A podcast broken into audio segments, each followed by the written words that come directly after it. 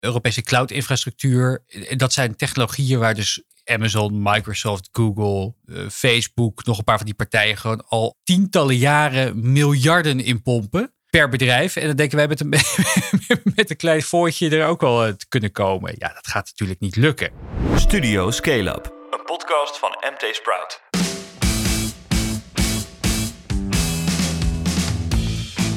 Dit is Studio Scale-up, de wekelijkse podcast van MT Sprout, waarin wij het laatste nieuws doornemen over startups, over scale-ups en de incidentele fuck-ups. Mijn naam is Remy Gieling en aan de andere hoek van de metaverse zit Philip Buters. Of ben ik mijn avatar? Wie zal het weten? Wie zal het weten? Ja, ga met de deur in huis vallen. Je had uh, vorige week, of twee weken geleden, nog wel een rant over dat, dat boek van Remco Boer. Uh, over Molly. ja, ik was bestuurder bij Molly een paar jaar. En hij had er een boek over geschreven. Heel persoonlijk. Heel leuk. En jij zei, nou, lees het vooral niet, want er staat niks in. Alleen maar een beetje zuur, uh, zuur uh, natrappen. Nou ja, maar we hadden dus Remco Boer op de redactie. Want hij werd geïnterviewd door collega Oh jee, Jelmer. oh jee. Ja, had, hij ja. een, had, hij, had hij een BB-gun bij zich en was hij op zoek naar me? Ja, het eerste wat ik vroeg van, oh Remco, sorry, sorry. Nee, zo zei ik het niet. Maar ja, hij had het dan wel geluisterd, een paar weken daarna. En ja, hij vindt het prima. Volgens mij snapt hij ook van uh, any publicity is good publicity.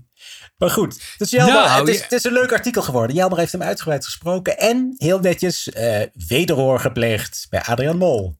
Ja, die had een reactie gegeven, hè? Ja, heb je het gelezen? Wat, wat, wat, zoals, uh, ik, ik, we hebben hem hier staan. Inderdaad, de reactie van Adriaan was uh, dat ik van een feestje houd. Klopt wel. Mooi vind. Uh, voor de rest, Remco Boer werkt al meer dan twee jaar niet meer voor Molly. Het boek is vanuit zijn perspectief geschreven. Wat natuurlijk iedereen zijn recht is om te doen. Ik had in zijn periode vooral met Gaston te maken. En ik vind het jammer om te horen dat Remco het gevoel heeft dat hij niet heeft kunnen doen wat hij wilde bij Molly. Ik vind ja, het een hele was, nette reactie. Ja, want dat was het verhaal van, van Remco ook, ook tijdens het interview. Van ja, ik, ik, ging over, ik was risk officer min of meer. Ik wilde allerlei processen veranderen, verbeteren. En uh, Adriaan, uh, die liet zich niet echt sturen. En, en zeker zijn programmeurs, die, die waren dan soms idolaat van hem. Want hij is natuurlijk ook een toffe, een hele, hele briljante kerel. Dus die deden ja, vooral ja, ja. wat Adriaan wilde. Dus dan zei de ene afdeling van uh, marketing van... we moeten dit, dit wordt een nieuwe release. En dan zeiden de software jongens, ja prima. En dan gingen ze iets anders doen, een gaaf project. en het was altijd gezellig. Volgens mij is ook incompatibiliteit des humeur. Dus Remco Boer is gewoon harde werker. Best serieus, heel sportief. Uh, echt... Uh, en, en uh, Adria, die, ja, die is wat meer creatief. En die houdt dus van die feestjes. Dus die, die maakt het gezellig. Dan ging Remco naar zijn gezinnetje. En ja, dan maakte Adria het gezellig met de Het is gewoon een gezelligheidsmens. En gewoon leuk met de jongens. En ik heb nog een paar andere mensen gesproken. En die vonden het ook allemaal wel een, een, een leuk boekje. Ah. Ja, het, is ook gewoon, het is gewoon een beetje een GTST onder de businessboeken. Weet je, het, het is lekker verteerbaar. Maar uh, je, je moet er niet van verwachten dat je er iets van opsteekt. Oké, okay, dus we maken een pivot. Lees dit boek. Wel helemaal niet. Ik heb echt honderd boeken die ik aanraad. Okay. Uh, elke, elke maand, verdomme, in die podcast. Oeh, ja, dat ga je ook lezen. Dat, dat nieuwe boek over die, uh, die opioid...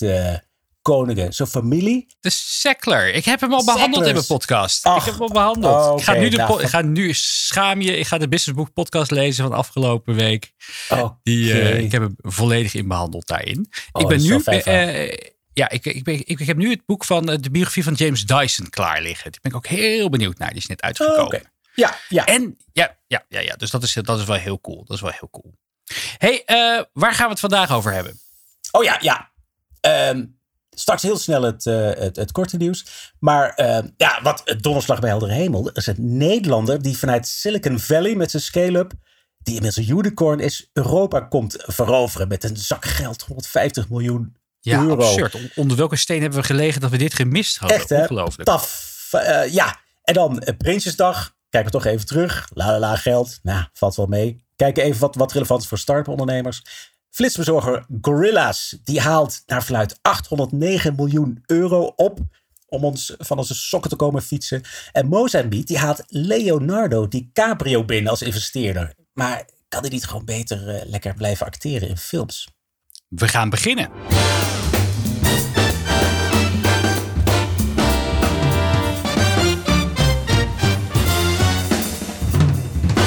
Maar eerst maken we in sneltreinvaart een rondje langs het nieuws voor startups en scale-ups uit andere media. Ja, Amsterdam. Dat staat op het trotse dertiende plaats in het nieuwste rapport van Startup Genome. Dat gaat over de beste plekken om een start-up eh, te vestigen en te runnen. Amsterdam Delta noemen ze het. Dat is in feite een hele randstad, een cirkel van 100 kilometer.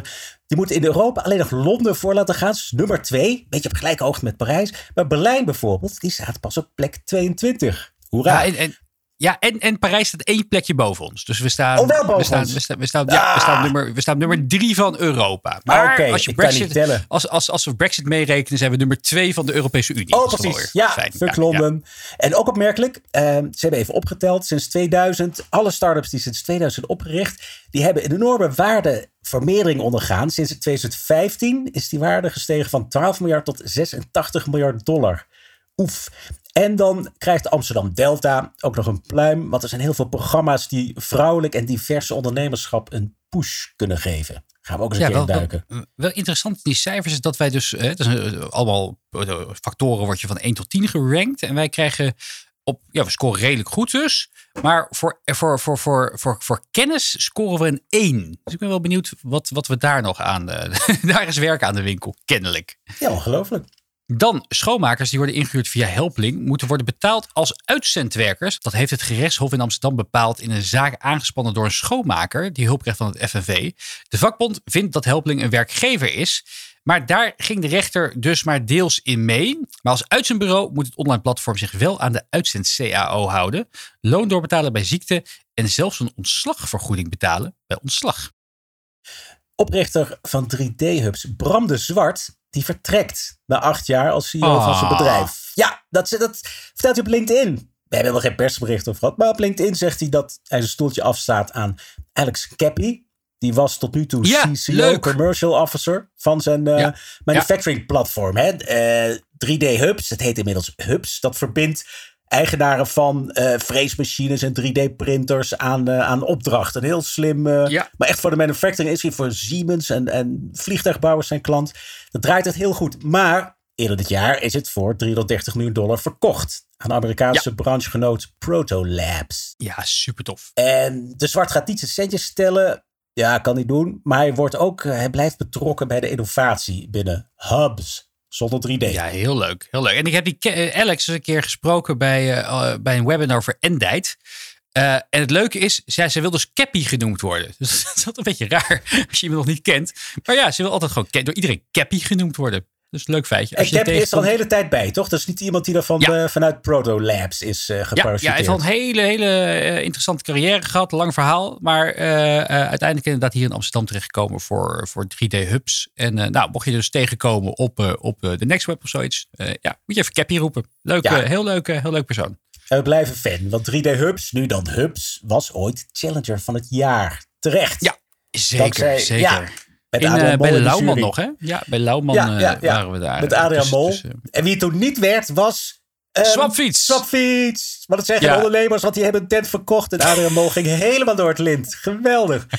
Man, man, Ik, wat eh, een vuur. Echt. Toen, hij toen hij erachter kwam van, ja, wat doe je hier? En dat doe je toch niet? Je verkoopt je tent toch niet? Hij was eh, fantastisch. Daarom. Dus Nou. ook voor altijd in ons hart, Adriaan Mol. Ja, maar, ik werd wel eventjes aangesproken door een van de oprichters van Swapfiets onlangs. Dat, dat, we, dat Sprout het enige mediaplatform is dat elke keer moet ver- vermelden dat Swapfiets in handen is van PON. Ja, omdat eerst mochten we het niet. Eerst wisten we het al. Ja, ja, maar toen mocht niet vermelden. Toen was er een fietsblaadje dat ik dan op de wc lees eh, over elektrische fietsen. Daar werd Oh ja, gemeld. gemeld. Ja. Ah, meteen werd het daar eraf gehaald. Nou, wij willen toch die relatie goed houden. We zijn er niet om ondernemers in de wielen te rijden. No pun intended. Ehm, dus we Bedoel- zeiden tegen Swapfiets van... Oké, we- nou, het is pas officieel als het officieel is. Nou, toen het eenmaal officieel was... Door een ander mede werd gebeld. Toen zijn wij het ook gaan melden. En toch, ja, misschien extra vaak. Van, hè? We zijn, er, we zijn er een beetje in doorgeslagen. Het valt kennelijk op. Het valt Ja. kennelijk op. Hey, ehm, Nederland is binnenkort weer een techmiljardair rijker. Woehoe. Sietse Sijbrandij gaat na een jaar uitstel nu nog echt naar de beurs met GitLab. Het softwareplatform waarin ontwikkelaars met elkaar kunnen samenwerken. Door de coronacrisis blies GitLab zijn IPO vorig jaar af. En nu zijn er stukken ingediend bij de Nasdaq. Zodat over een maand of twee de champagnekurken kunnen knallen. Het bedrijf zou 6 miljard dollar waard zijn. Ik denk eigenlijk al meer persoonlijk. Wat Sijbrandijs belang net 1 miljard ma- eh, waard maakt. En het is een ontzettend leuke ondernemer. Ik vind hem echt heel cool. Dus ik, eh, eh, ik gun het hem van harte. En ben echt een groot GitLab fan. Ja, ik ben benieuwd naar het prospectus overigens. Want ik kwam ergens dus 19% tegen dat zijn belang is. Oh, ja. quote, quote waardeert hem nog op 120 miljoen. Dus ja, oh. weet Quote meer dan wij. Hmm. Dat zijn brand die er eigenlijk volstrekt helemaal uit is. Maar nee, toch? Procentje of 15 tot 20 lijkt me wel uh, dat hij dat nog heeft. Nou ja, We, gaan, we gaan tellen. We pakken het prospectus erbij. En natuurlijk uiteindelijk de IPO zelf. En de koers, hoe die zich ontwikkelt, die bepalen wat, wat hij dan waard is. Maar goed, daar gaat het niet om. Maar ja, en het leuke is, je hoort hebben altijd, maar er, er, er is dus voor mij nog een, een founder. Hè? Ik, ik, ik vergeet zijn naam altijd eventjes. Ja, een Rus. Ook alweer. Een Rus die daardoor een moeilijke naam heeft. En uh, dat, oh, ja, dat is toch echt de co-founder. Ja. Oh, Dimitri. Ja, ja, ik heb hem bij uh, Dimitri Zaporozic. En Valerie Valery Sijov. En die zit nog steeds betrokken als co-founder. Ja, heel leuk. Ja, gaaf, eh, gaaf bedrijf. Helemaal fully remote. Dan iets kleiner Jaap Korteweg, formerly known as de vegetarische slager. Die investeert in drones tegen ongedierte in kassen. Wat vet. Ja, hij stapt in bij Pets, P-A-T-S. Geen idee hoe je het uitspreekt. Dat is een Delftse start-up. ja, Pats, want het klinkt ook wel als een vliegenmapper. Maar dat doen ze ook. Motten sporen ze op. Dus die start-up die heeft een systeem. Uh, met camera's en AI. Het is zelflerend, dus het herkent, het detecteert motten en stuurt dan die kleine autonome drones erop af. Die dus helemaal, ja, zo groot als een vuist zijn ze. Die vliegen erop af en ja. Uh, pats inderdaad. Ik zie, het, ik, ik, zie het op de site nu inderdaad voor me. Het ziet er heel leuk uit. Ik zet een link in de show notes. Dit filmpje moet je echt eventjes zien. Super gaaf. Het bestaat al een tijdje. En ja, het, het, gaat toch niet heel hard met de commercialisatie. Maar met het geld van Korteweg. Dan stapt nog een, een andere, een, een tuinder, succesvolle tuinder stapt in. Dan zou dat systeem toch op grotere schaal in de markt uh, kunnen zetten. Nou, en ah, wat, wat ik ook wel heel cool vind. in de eh. Al die plantjes zo saai. Gewoon als het helemaal met drones rondvliegt, dan wordt het... Ook het werken in de kast wordt weer veel leuker en spannender. Dus uh, ja, Win-win. Ja, en, en, en hij heeft al een klant, Rob Baan van Koppert Chris. Ook een hele, hele rare, eigenzinnige ondernemer. Heel gaaf. Heel succesvol. En, uh, uh, hij zegt, zo gaaf om een kleine drone die net die ene schadelijke mot te zien, of eigenlijk te horen, kan elimineren. Rupsenschade loopt in de duizenden euro's en we mogen en kunnen niet spuiten. No pun intended. hey, dus dat is, uh, dat is een mooie, mooie aanbeveling voor, uh, voor uh, Pats. Pats, pak aan.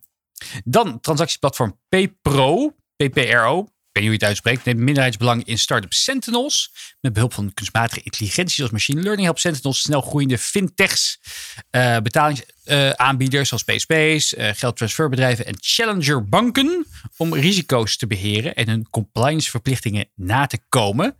Um, heel cool. Dat uh, bedrijf is een spin-off van uh, Slimmer AI. Een, uh, een soort AI-incubator. En ja. een leuk feitje is ook dat de CEO is de zoon van Frans van Houten. Namelijk Joost van Joost Houten. van Houten. Ja, die hebben we ook als challenger gehad. Ja, want Sentinel, ja, ja. het is monitoring met, met AI. Dus zelflerend. En banken moeten, ja, moeten daar, geven daar honderden miljoenen aan uit. Hè? Zeker de grote banken. Om maar te voldoen, compliant te zijn aan al die witwasmonitoren, drugsgeldmonitoren. Ja. Ja, en ik feliciteer hem met, met, met, met, met, de, nieuwe, met de nieuwe mooie aandeelhouder, uh, minderheidsaandeelhouder. Maar hij zei ja, dat is allemaal leuk, maar uh, we hebben vooral een hele mooie klant ook erbij. Dus dat is een, het, het, het mes snijdt aan twee kanten. Ja. En dan RTL Nederland, die heeft hackers betaald. Ja, er waren cybercriminelen die eerder deze maand de computers en servers gijzelden. Dat ken je wel. En het valt mee, er is 8500 euro afgetikt in bitcoin dat is natuurlijk tegen het advies oh. van de politie en, en al die. Uh, maar ja, uh, achter de schermen. Je moet natuurlijk nooit zeggen dat je betaalt, maar het wel doen. Er hebben ook allemaal specialisten in die daar uh, die bemiddelen. En die, die kennen ook, die hebben ook een vaste band bijna met, met de hackers, hè, die, als ze die vaker oh tegenkomen. Nou ja. Um, ik, vind, ik, oh, ja. moet zeggen, het is, het is, het is weet je, eigenlijk vind ik dit een heel schappelijk bedrag. Weet je wel, je hebt gewoon duidelijk een lek in je beveiliging zitten.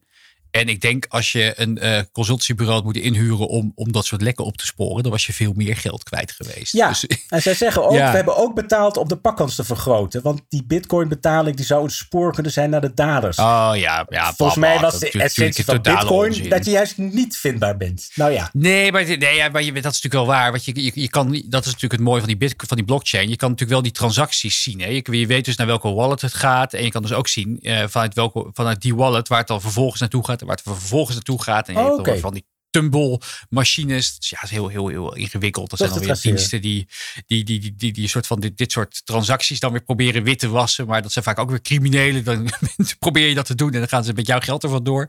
Dus, uh, maar het kan dus uiteindelijk wel. Je kan, als je maar goed onderzoek doet, kan je dat zien waar het uiteindelijk naartoe gaat. En wie het uiteindelijk dan misschien ergens een keertje opneemt, bijvoorbeeld. Maar um, ja, 8500 uh, uh, ja, euro om je, om je beveiliging op orde te krijgen. Ja, is gewoon de maandsalaris van een, eh, van een goede IT'er. Ja, dus uh, ik, ik snap heel goed dat ze dit gedaan hebben.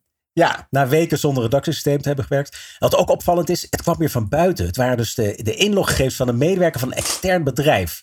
Dat is vaker ook bij lekken, hè? dat je dan oh, met een, een, derde software IT-dienstverlener, weet ik wat, en dat die dan de boel verneukt. Dus we kunnen wel zeggen, RTL uh, Nederland heeft zijn werknemers niet goed geïnstrueerd. Nee, het zijn dus weer die, die leveranciers. Zijn weer die kutleveranciers. Nou, oké.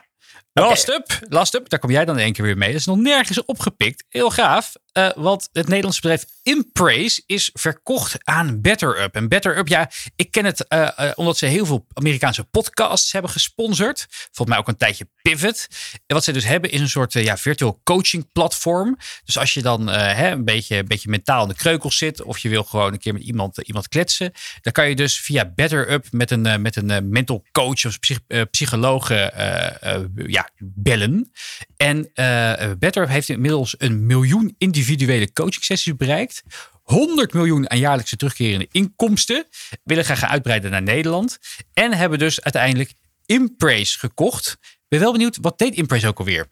Ja, dat was een feedback heel tool nadenken. voor HR. Nee, feedback tooltje voor je werknemers. Dus een, een heel handige oh manier om, om ja, feedback te halen van je, van, je, van je werknemers. Ja, wat normaal in gesprekken, het zal meer ter voorbereiding van zo'n gesprek zijn.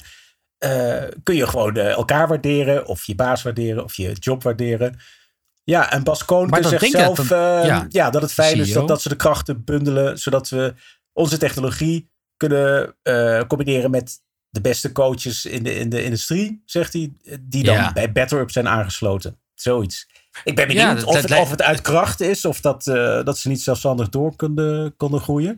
Uh, maar ze groeien nou ja, nu wel door. Ik, ze nemen mensen aan in ik denk wel dat, uh, ja. ik, denk als je, als je nu uh, je tent kon verkopen voor aandelen Better Up, dat je dan wel redelijk, redelijk in de natte was zat. Ik was net de podcast aan het luisteren over het ontstaan van Standard Oil en, en de John, John D. Rockefeller dus inderdaad ook gewoon alle concurrenten opkocht met de belofte van ja, weet je, je, krijgt de aandelen Standard Oil. Ik zou het gewoon doen, want dan hoeven, hoeven, hoeven, jij, je kinderen en je kleinkinderen nooit meer, uh, nooit meer eh, bang te zijn dat, dat, dat, je honger gaat lijden.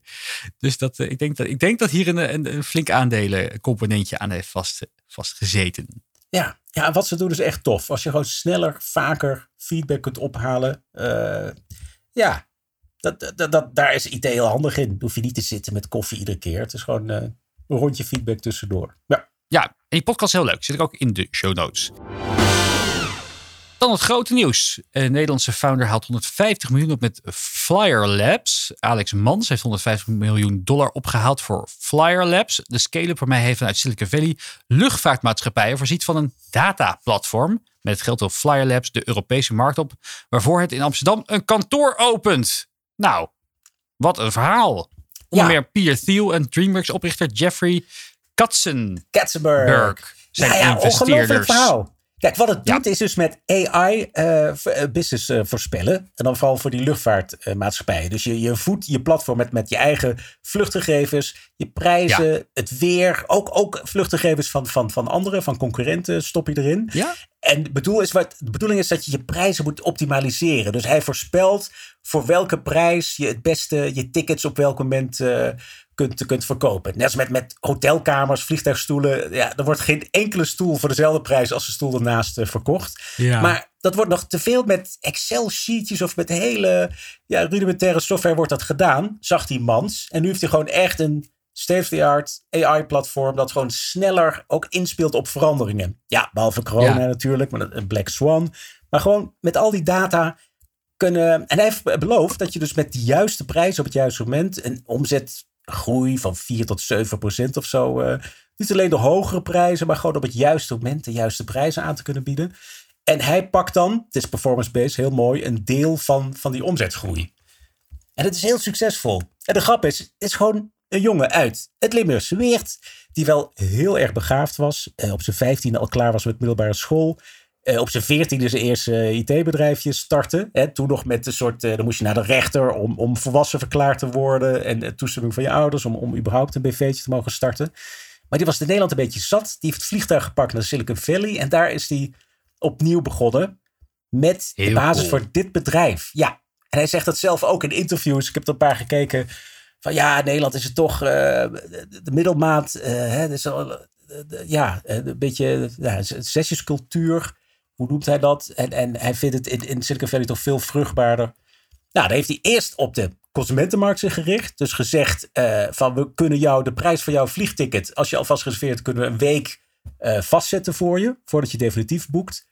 Ook met die predictietoestanden. Uh, dan kwamen wat, wat luchtvaartmaatschappijen zagen, hey, dat kunnen we veel beter ook zelf inzetten van zijn eigen operatie. En toen heeft hij die pivot naar die B2B-markt gemaakt, naar de luchtvaartmaatschappij zelf. En dat, ja, dat is echt gaan vliegen de afgelopen drie jaar, ook ondanks, ondanks corona. Ja, en nu komt hij naar Europa. Met die 150 miljoen dollar. Ja, even kijken. En ja, het is echt een leuk verhaal. Je moet het echt even opzoeken. Uh, hoe je zo vroeg, nou ja, van zijn 15e tot zijn 22e, twee bedrijven opgezet, goed verkocht. En daarna gewoon op de Bonnefoy naar Silicon Valley.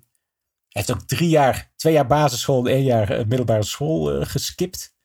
En ja. Uh, dit, ja, dit wordt ja, vrij groot. En het is een AI-ding. Dus Remy, het wordt jouw beste vriend. Ik, Alex Mans. Ik, Hij kan nauwelijks met Nederlands hoor. Ja, precies. ja, Maarten heeft nog gesproken. Het is echt uh, half Engels, half Nederlands uh, praat hij. Super cool. Hij is oh, ook inmiddels al 29 hoor. Hij is al 29. Dus, uh, oh jeetje mina. Ja, dat is een soort, soort, soort, soort boomer in, in wording hè, in Silicon Valley land. Veteraan. ja, hij heeft echt al veel gedaan. Heel erg cool. Um, dan gaan we door naar het tweede onderwerp vandaag. Uh, leuke goodies van Prinsjesdag. Het uh, was weer Prinsjesdag. Zonder gouden koets. Toch een uh, optochtje. oh nee, geen optocht. Ook geen nee. balkonscène. Nee, gouden koets niet, nooit meer. Niet. Je heb ik het museum nee, ja, ik, ik, heb het allemaal niet meegekregen. Ik zat dus oh. in, een, in een donkere studio met denkproducties. omdat we Daniel Kahneman gingen interviewen. Oh ja, oh ja. Nobelprijswinnaar. De, yes. de, de, de, de, de 87 jaar jong, samen met Ben Tichelaar, die, deed het, die voerde het gesprek. En um, die, uh, um, dat was wel grappig. Was een, uh, hij had ook nog een mening over AI, dat vond ik ook alweer grappig. Maar wat vooral heel erg leuk was, is, ik vroeg uiteindelijk nog, hè, met Mr. Kahneman, je hebt net een boek uitgebracht. je bent hè, pas, pas 87. Heb je er nog wensen? Heb je nog dingen die je wel graag wil ontdekken over de gedragspsychologie? Ja, ja, ja, ik wil wel hier en hier naar benieuwd. Toen zei ik, nou, misschien kan je dan over een paar jaar u, misschien kan u over een paar jaar die, die, die kennis dan hier opnieuw gaan delen. Uh, don't count on it.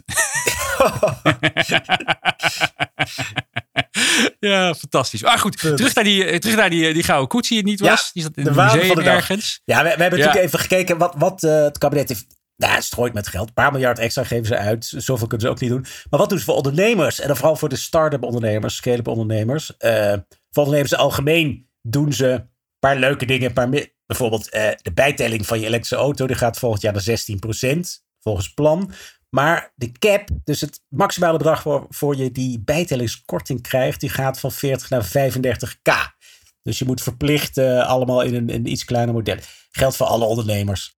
Wat mij dus heel erg opviel hieraan is, we hebben dus allemaal grote problematieken die hier spelen en uh, huizencrisis, kom ik zo nog even op terug. Maar dan komt het kabinet met het voorstel dat we allemaal 2 euro per dag krijgen om koffie en wc-papier te kopen tijdens het thuiswerken. Oeh. Belastingvrij, Jezus, Mina. Ja, ja, jeetje, Mina. Wat is dit voor een treurnis, jongens. Wat is dit voor een droevenis dat we op dit niveau zijn beland. Dat we dus de politiek, die geen enkele beslissing kan nemen over grote, belangrijke zaken. Ja. Uh, dit soort dingetjes laten bedenken. Ja, ik kan er mijn kop niet bij. Ik Wat kan je doen? Demissionair. Nee, het andere dingetje is de, de verlenging van die eerste schrijvende vennootschapsbelasting. Geldt ook voor alle oh, ondernemers. Precies, voor jou wel aardig als je nou echt je best doet trainen volgend jaar. Ja, uh, ja, ja, ja mag je tot 395.000 betalen dat lage tarief van 15% voor de vennootschapsbelasting. Voor je BV. Ja, oh. Want dit jaar was het nog maar 245.000. Dus dat scheelt anderhalve ton. Maar ja, moet je wel even die winst uh, maken. Oh, ja. winst. En dan de MIA, de milieu-investeringsaftrek die gaan ook lekker omhoog. Dus als je investeert in, in zuidige dingen, zonnepanelen. Ik weet niet, EV's stonden er vroeger ook op. Zelfs mijn, mijn dieseltje uh, had uh, MIA tien jaar geleden. Ja, MIA, Gamil. Famil 2 had je op een gegeven moment volgens mij. Ja, ja en de Kia kwam ineens. Nou, whatever. Maar dat is allemaal klein bier. Nee, het gaat echt, ging natuurlijk over de aandelenopties. De aandelenopties, als je ze nu toekent, moet je er meteen over afrekenen. Dat, dat maakt ze niet altijd even aantrekkelijk. Nou, vanaf volgend jaar mag je kiezen of je meteen afrekent of met de fiscus afrekent zodra ze verhandelbaar zijn. Zodra je ze kunt omzetten in aandelen. Dan krijg je minder gedoe over de waardering. Ja, ja, weet je, het is, het is een stapje. Maar het is niet genoeg. Want de meeste, zoals TechLeap en, uh, en Erik de Heer van EY, heeft er ook een heel, gewoon heel duidelijk LinkedIn-postje aan gewijd. En uh, de Dutch Startup Association, die zeggen allemaal: ja, leuk, dit is de eerste stap. Uh, dat keuzemoment, fijn, kun je het uitstellen, dat afrekenen met de belasting. Maar we willen een lager tarief. Om het concurreren te maken internationaal, moet er gewoon een, een apart laag vast tarief komen voor die, die opties. Uh, want nu gaan ze via de inkomstenbelasting, gewoon via het progressieve tarief tot 49,5%. Daar moet gewoon een laag tariefje voor komen. Uh, het zegt ook Constantijn van Oranje. Die zat erbij, hè, bij het gewoon reden. Ja. Die, uh, nou, hij bleef wel wakker. Af en toe ging die camera langs hem. En uh, Laurentien zat naast hem. hij zag er strak uit. Ja. Maar dat is natuurlijk overdag. de, de, Fresh Prince. De Fresh Prince. Ja, ja, ja, ja, Nog zonder, zonder veel bier achter te kiezen. Nee, dat valt mee. Hij, hij is, hij is uh, op de beste plek is hij altijd uh, aanwezig. En dus ook op LinkedIn zegt hij: Goed nieuws dat deze stap is gezet. Maar nu nog de ongelijkheid weghalen tussen investeerders, oprichters en personeel. als het gaat om in welke box dit belast wordt. Ja. Daarom zijn dezelfde aandelen voor de een inkomen en de ander vermogen. Dus dat gaat over dat vaste lage tarief dat we willen voor die opties. Ja. En verder was er nog, uh, als het om geld strooien gaat, er gaat 300 miljoen uh, vooral naar de, naar de high-tech-industrie. Dus aan Europese samenwerkingsprojecten. Uh, op het gebied van chips, halfgeleiden, sensoren, optische apparatuur. Ja, dat is allemaal hardware. Dat snapt allemaal niet. Veel te ingewikkeld. En dan nog een Europese cloud-infrastructuur. Ja, als je daar aan zo'n samenwerking erin slaagt om mee te doen, dan, dan kun je subsidie krijgen. Maar dat, is, dat zegt TSA ook. Dat is veel te ingewikkeld. Het is voor te weinig uh, ondernemers toegankelijk. En het is heel erg gericht op, op die twee dingen. Op die echte high-tech hardware uh, silicon-achtige dingen en cloud-infra. Dus als je iets anders doet en andere technologieën, die krijgen dan niet toegang tot die 300 miljoen. Nou ja. Nou ja, en het is natuurlijk echt heel weinig. Hè. Ik bedoel, uh, Europese cloud-infrastructuur. Dat zijn technologieën waar dus Amazon, Microsoft, Google, uh, Facebook, nog een paar van die partijen gewoon al tientallen jaren miljarden in pompen per bedrijf. En dan denken wij met een, met een klein voortje er ook wel te kunnen komen. Ja, dat gaat natuurlijk niet lukken. Ja, uh, Frankrijk en Duitsland zijn natuurlijk altijd de partijen die, die een Europese Google ook wilden in het begin. Dus die stoppen er veel meer in. Nou ja, maar het is wel belangrijk. het is wel belangrijk. Want wat je, wat je, wat je nu altijd hebt. Kijk, elk bedrijf moet op, op, op die cloud-infrastructuur komen. Al is het maar voor je e-mail en je, en je, en je bestanden en je, en je agenda. Dus je bent altijd uh, een klein beetje van je omzet aan het afromen naar die, uh, naar, die, of, uh, naar, naar, die, naar die Amerikaanse partij. Dus al het succes wat die hier maken, wordt altijd voor, nu voor een klein beetje afgeroomd naar Amerika. En ja, dat, dat, telt natuurlijk wel op. Het is niet dat, dat is toch, toch, toch, toch, toch, toch jammer dat je dat niet in, uh, in, de, in de Europese uh, hoe heet dat, voor, uh, innovatie kan, kan investeren. Dus, ja, het is ook een beetje waarvoor de, in, zeker de laatste jaren zijn we weer van overtuigd geraakt, waarvoor de overheid bestaat. Infrastructuur, treinen, wegen, waterwegen. En dit zijn gewoon. Ja de, hoe heet het? De elektronische snelweg heet het ooit. Daar moet je ook, in, uh, ook om concurrerend te blijven. Ja, want dat is natuurlijk de doom, het doemverhaal. Hè? Dat er worden vermalen tussen vooral China en Amerika qua, qua tech. Dat wij er niet meer ja, toe doen. Nou ja, precies. Kijk, wij, wij, kunnen het heel goed toepassen. Dat zie je bij AI ook. We kunnen hele mooie toepassingen maken. Is ook heel, heel waardevol. Maar ja, als je altijd ja, uh, een, een, kwart van je omzet moet afromen naar, uh, naar, uh, naar, naar oversea. Omdat ja, daar de enige infrastructuur is waar je het kan. kan ja, het staat al wel in de Eemshaven gehost. Maar weet je, de winst gaat gewoon natuurlijk naar de, naar, naar, naar de zakken van Google. Ja, het is een soort extra belasting. het is een soort extra belasting die je overmaakt aan big tech. Op alles wat je doet en, inderdaad. En uh, precies. En, en, en kijk, die, die, die servertjes uh, neer, neerplempen is natuurlijk niet, niet, niet zo moeilijk. Maar die softwarelagen die al die bedrijven erop hebben gebouwd. Zodat je gewoon heel makkelijk je, uh, je, je applicatie erop kan draaien. Ja, daar is natuurlijk echt de, de, echte crux. En daar gaat dus die subsidie is daar ook voor bedoeld. Dus niet alleen de, de infrastructuur zelf, maar al die lagen erbovenop. Daar, ja, daar is geld voor. Nou ja, laten we hopen. Laten we hopen dat, dat het goed gebruikt gaat worden. Laten we, laten, we, niet. Uh, ja, ja, ja, dat zijn echt Franse en Duitse dromen. Voor al die nationale kampioenen die, uh, die Amerika een poepje laten ruiken. Nou ja, Dat is meer Calimero-gedachte. Dus uh, daar heb ik persoonlijk veel last van. Goed, onderwerp drie gorilla's. Flitsbezorger van boodschappen, daar moet pakken geld bij. bij. En die heeft de Duitse gorilla's nu wel. De scale-up van Kaan Zumer krijgt volgens The Information nog eens 809 eh, miljoen euro aan groeikapitaal. De ronde zou worden geleid door Delivery Hero, de concurrent van Thuisbezorgd. En het zou het bedrijf waarderen op 3 miljard dollar. Uh, hoop geld. Ja, na de investering. Ja, ja, ja, precies, precies, precies. Ja. In maart was het nog 1 miljard. Nu komt er bijna een miljard bij. En nou ja, bij elkaar groeit het dan toch per saldo tot, tot 3 miljard. Ja, een hoop geld. En heel opmerkelijk dat Delivery Hero, dus een soort thuisbezorg, dat die instapt voor 200 miljoen ongeveer. Ja. Maar toch, dus zou Jitse Groen met thuisbezorgd niet ook uh, hiermee moeten beginnen? Of, of uh, een concurrent van, van de Gorilla's overnemen? Ja, ik denk dat ze wel natuurlijk aan het kijken zijn. Ik denk dat dat, dat, dat, dat thuisbezorgd, uh, maar ook Uber, hier natuurlijk met uh, heel erg aan zit, zitten, zitten gluren van kunnen we hier ook een, een graantje van meepikken? Of in ieder geval, is er een, een, een businessmodel van te maken? Ja. Want ja, het, het, feit dat er nu al zo ongelooflijk veel geld ingepompt moet worden, betekent ook wel dat er gewoon heel veel geld uh, mee gemoeid gaat om die operatie draaiend te houden. En, en ja, en dan en om, om tijd te kopen op zoek naar een, een businessmodel dat echt werkt. Want dat het nu niet werkt, dat snapt iedereen. Dat je niet binnen 10 minuten vanuit zoveel locaties, hè, dat, daardoor lijkt het ook een beetje ja. op WeWork, dat je heel veel vastgoed nodig hebt. In ieder geval contracten. Het is allemaal heel kapitaalsintensief, toch? Uh, dat je heel veel locaties nodig hebt om die 10 minuten te halen. Naarmate je meer klanten krijgt, ja, moet je om de twee kilometer zo'n locatie openen.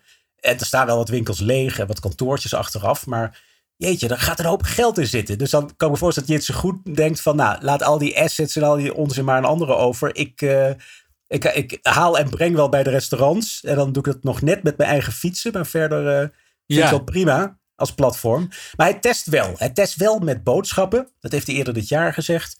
En, uh, maar niet, niet volgens die 10 minuten formule. Dus ik denk, als je een netwerk hebt, dan kun je, ja, net als Uber, alles erin om laten gaan. Het hoeft niet alleen uh, bezorgmaaltijden te zijn. Dat, kunnen ook boodschappen zijn.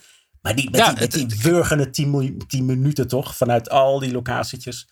Nou, en, en er zit natuurlijk, een, ja, zit natuurlijk een, een soort van, van, van, van, van complexiteit in. Want op zich zou je natuurlijk ook als bezorger het gewoon bij de lokale Albert Heijn kunnen halen. Ja. Dus dan hoef je niet meer, hoeft, hoeft, hoeft een Getir of een, uh, of een Gorilla's niet bij eigen hubjes te hebben. Maar ja, dan ja. betaal je wel die markup van de supermarkt. Wat op zich ook niet erg is als de consument het maar gewoon wil betalen. De ja. enige die hier wel heel erg van zou kunnen profiteren is natuurlijk Picnic. Ik had toevallig gisteren de uh, head of fulfillment van Picnic in een webinar voor Young Capital. Uh, hebben we het niet over flitsbezorging gehad. Maar die hebben natuurlijk wel al, al die hubjes uh, in een rond binnensteden. Omdat die, die elektrische autootjes kunnen ook niet zo extreem ver rijden. Dus dat zouden ze kunnen gebruiken om eh, ook, uh, ook uh, misschien te, te, te, te, te, te, te, te als leverancier voor die markt aan te sluiten. Ja, Oké, ja, ja, dat zou echt het naast moeten zijn. Want het, het, het, model, belangrijk voor het model is ook dat je maar een heel beperkt assortiment hebt. Hè? Weet ik veel, flessen wijn, nou wiet nog net niet. Dat zou er ook bij moeten. Zijn echt van die impuls aankopen voor uh, weer verwende millennials, denk ik. Maar ja, het wordt echt heel druk. Dus ik word nu al van mijn sokken gefietst door Gorilla's, rood-wit. Dan heb je Getir, groen, Flink. Wat was Flink ook alweer? Blauw of zo? Whatever. Dus ja. het zijn nu al in Amsterdam dan drie partijen. En het moordende is die 10, 10 minuten. Dus ze, moet, ze zijn verplicht om al die risico's te nemen, al die stoplichtjes, uh, rode stoplichtjes te ja, pakken. Ja, ja. Om maar aan die, uh, aan die targets te voldoen. Nou ja, dat hebben we al eerder gezegd. Amsterdam heeft een onderzoek ingesteld. Op uh, aanvraag van de, van de gemeenteraad. Uh, of dit gevolgen heeft voor de veiligheid in het verkeer. Hmm, dat moet toch bijna conclusie? Haha, ja. ja. Delivery ja. wars zijn het. En het bloed loopt straks uh, letterlijk door de straten van Amsterdam, Utrecht, Den Haag, Groningen, Rotterdam. Nou ja, die, die vergelijking met WeWork vind ik wel leuk. Dat het, dat het toch een beetje een opgeblazen verhaal is. Dat het toch ja. vooral vastgoed, dat dat echt als een blok aan het been uh, gaat zijn straks. Als, als naarmate Gorilla's groter wordt en ja, als het geld op is, dan, uh, dan moet maar afwachten of het, of het model echt werkt. En de bezorgers Over... worden natuurlijk uitgeknepen, afgebuld, uh, uitgescholden ook uh, aan alle kanten. Oh. Over, over WeWork gesproken, is trouwens net een nieuw van, van, het jaar een boek over verschenen. Billion Dollar Loser, wil ik ook wel lezen. In, in, in, geinige titel. Maar ik zag gisteren een stukje van Tegenlicht. En dat was ook een, een bedrijf wat in, in data-analyse voor de financiële markten deed. En die zaten bij WeWork. En die hadden op een gegeven moment een soort data-analyse gedaan op WeWork. Waar, waar ze gewoon zeiden van ja, dit, dit model kan gewoon eigenlijk helemaal niet, weet je wel. De, de, de, de, de, de, de churn is enorm en, uh, en al dat vastgoed. Het kan, kan, en en dat, dat, dat, dat tech-platform wat ze zouden hebben gemaakt om die community te ondersteunen, wordt amper gebruikt. Hadden ze een blogpost over geschreven. Daar had uh, die Adam Newman, die CEO, had een lucht van gekregen. Ja. Die is toen naar het kantoortje toegelopen en heeft op staande voet het pand uitgezet. Ja, de huisbaas. Klopt ja, op de, de huisbaas, deur. ja. Oh, ja, don't, uh, don't bite the hand that, uh, that uh, Ja. in dit geval houses you. Ja, sorry. Klop op de deur heb ik niet gezegd. Dat is niet, eh, niet kies. Ja, laatste en dan ditje. Leonardo DiCaprio stapt in Mozambique. De Hollywood-ster, activist, investeerder. Stapt in Mozambique, de producent van kweekvlees uit Maastricht. Hoeveel Leo meebrengt, maakt Mozambique niet bekend. Maar ja, waarschijnlijk hè, is het natuurlijk vooral uh, uh, in waarde van naam en faam. Want hoe gaaf is het als ja, zo'n wereldster verbonden is aan labkweekvlees. Flip, wat uh, ja, zou Leonardo weten waar Limburg ligt überhaupt? Ja, echt hè. Nou ja, ik heb eens even gekeken naar zijn portfolio. Hij is inderdaad wel nou, activist. Uh, heeft het beste voor met, klimaat en zo. Een beetje, hoe heet het, George Clooney, maar dan uh, een, een jongere zoon. En waar ja. hij investeert is wel vaak in, in de food, uh, in de foodhoek. Hij doet van alles en nog wat hoor. Hij zit ook in, in Casper, die, die matrassen... Dat oh, online ja. matrassenmerk, waar hij ook heeft een mooie exit mee gemaakt. En ook in, in deep tech en mind machine interface. Maar ook in energiedrankjes en nou, allerlei eten. Dus hij concentreert zich wel op deze markt. En blijkbaar heeft hij adviseurs die hem dan vertellen. Ja, als hij denkt van ik wil in labvlees, het zou kunnen dat, dat hij gewoon literatuur bijhoudt. Uh, en die hebben dan voor hem Mozambique opgespoord. Maar ook Aleph Farms in, uh, in Israël. Dat is eigenlijk een rechtstreekse concurrent van Mozambique. Dus oh ja. Mozambique, dat is echt, echt de uitvinder die in 2013 al die eerste hamburgers serveerde. Van kweekvlees. Die dan uh, 280.000 euro kostte toen nog. Uh, ja. Van Mark, Mark Post is dat. Het is echt IP, echt uit, uit Maastricht komt het helemaal. En Ale Farms is iets later. Die had in 2018 zijn eerste steak klaar. Dus de een doet in, in de gehakt, de ander doet in steaks, rundvlees. Spreid je maar kans, ze gaan wel een beetje, ja, slim, ze gaan een beetje gelijk op. Ja, ja, ze gaan een beetje gelijk op. Dus je hebt de steaks uh, uit Israël, de hamburgers uit, uit Maastricht. En allebei beloven ze volgend jaar of het jaar daarna hun eerste producten echt in kleine series op de markt te kunnen brengen. Ja, heel grappig. Uh, en, en ja, Leonardo DiCaprio. Ja, er zijn natuurlijk wel meer uh, Amerikaanse artiesten, celebrities die, uh, die heel actief zijn, toch? Ashton Kutcher ja. is echt iemand die het al deed voordat het en vogue werd om te investeren in startups en ja, scale-ups. Zit ook helemaal Bono. in de crypto uh, tegenwoordig. Ja, ja Bono. Bono is huge. Die heeft dat Rise Fund, 2 miljard. Doet hij ook met, met institutionele investors ook in, uh, in, in klimaat en sociaal uh, uh, goede bedrijven. Snoop Dogg volgens mij ook. Hè? Snoop Dogg doet voor mij ja, ook dingetjes. Snoop. Her en der. Jay-Z Jay was er vroeg bij in, in Uber.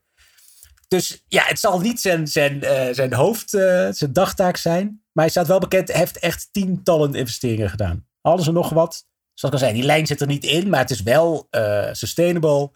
Uh, food. Uh, heeft ook een Sejam voor kunst heeft hij, uh, heeft hij geïnvesteerd. En een sociale media app, ook in Israël. Dus ja, qua regio, qua technologie is hij volledig, gaat hij alle kanten op. Maar blijkbaar, ja, het is wel slim, toch? En, en leuker dan, dan al je royalties te laten beheren door een of andere Goldman Sachs. ja, bankier. Zal die ook doen. Zal die ook doen, hè? Ja, die komen dan één keer per kwartaal komen ze bij je langs uh, koffie drinken. En dan uh, gaan ze vertellen hoe het allemaal ervoor staat. En uh, hoe goed ze het doen. En dat ze een fee echt wel verdiend hebben. Ja, dit is veel leuker. En voor Mozambique, ja, ik hoop dat er straks dat we een beursje kunnen happen met, met Leo, toch?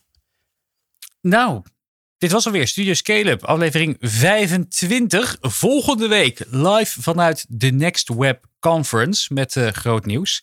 Vergeet je niet te abonneren op Spotify of je favoriete podcast-app. Of hem te delen met ondernemende vrienden, familie en kennissen. En laat je even een reactie achter in Apple Podcasts. Heel erg bedankt. Flip ook. Leuk dat je er weer was. Famous last words. Ja, toch weer een oproep. Uh, ga gewoon zelf naar de winkel. Haal daar je boodschappen. Reken af bij de kassa. Dan heeft die kassa-juffrouw ook nog te werk. Maar bestel het nou niet bij al die flitsbezorgers. Ik, word, ik moet straks ook weer de straat op. En ja, ik ben nog goed ter been. Maar over vijf jaar durf ik echt de straat niet meer op als het zo doorgaat. Gewoon zelf doen. Heerlijk. Bewegen. Kom van de bank. Haal gewoon je boodschappen bij de winkel om de hoek. Bedankt voor het luisteren. Tot de volgende aflevering.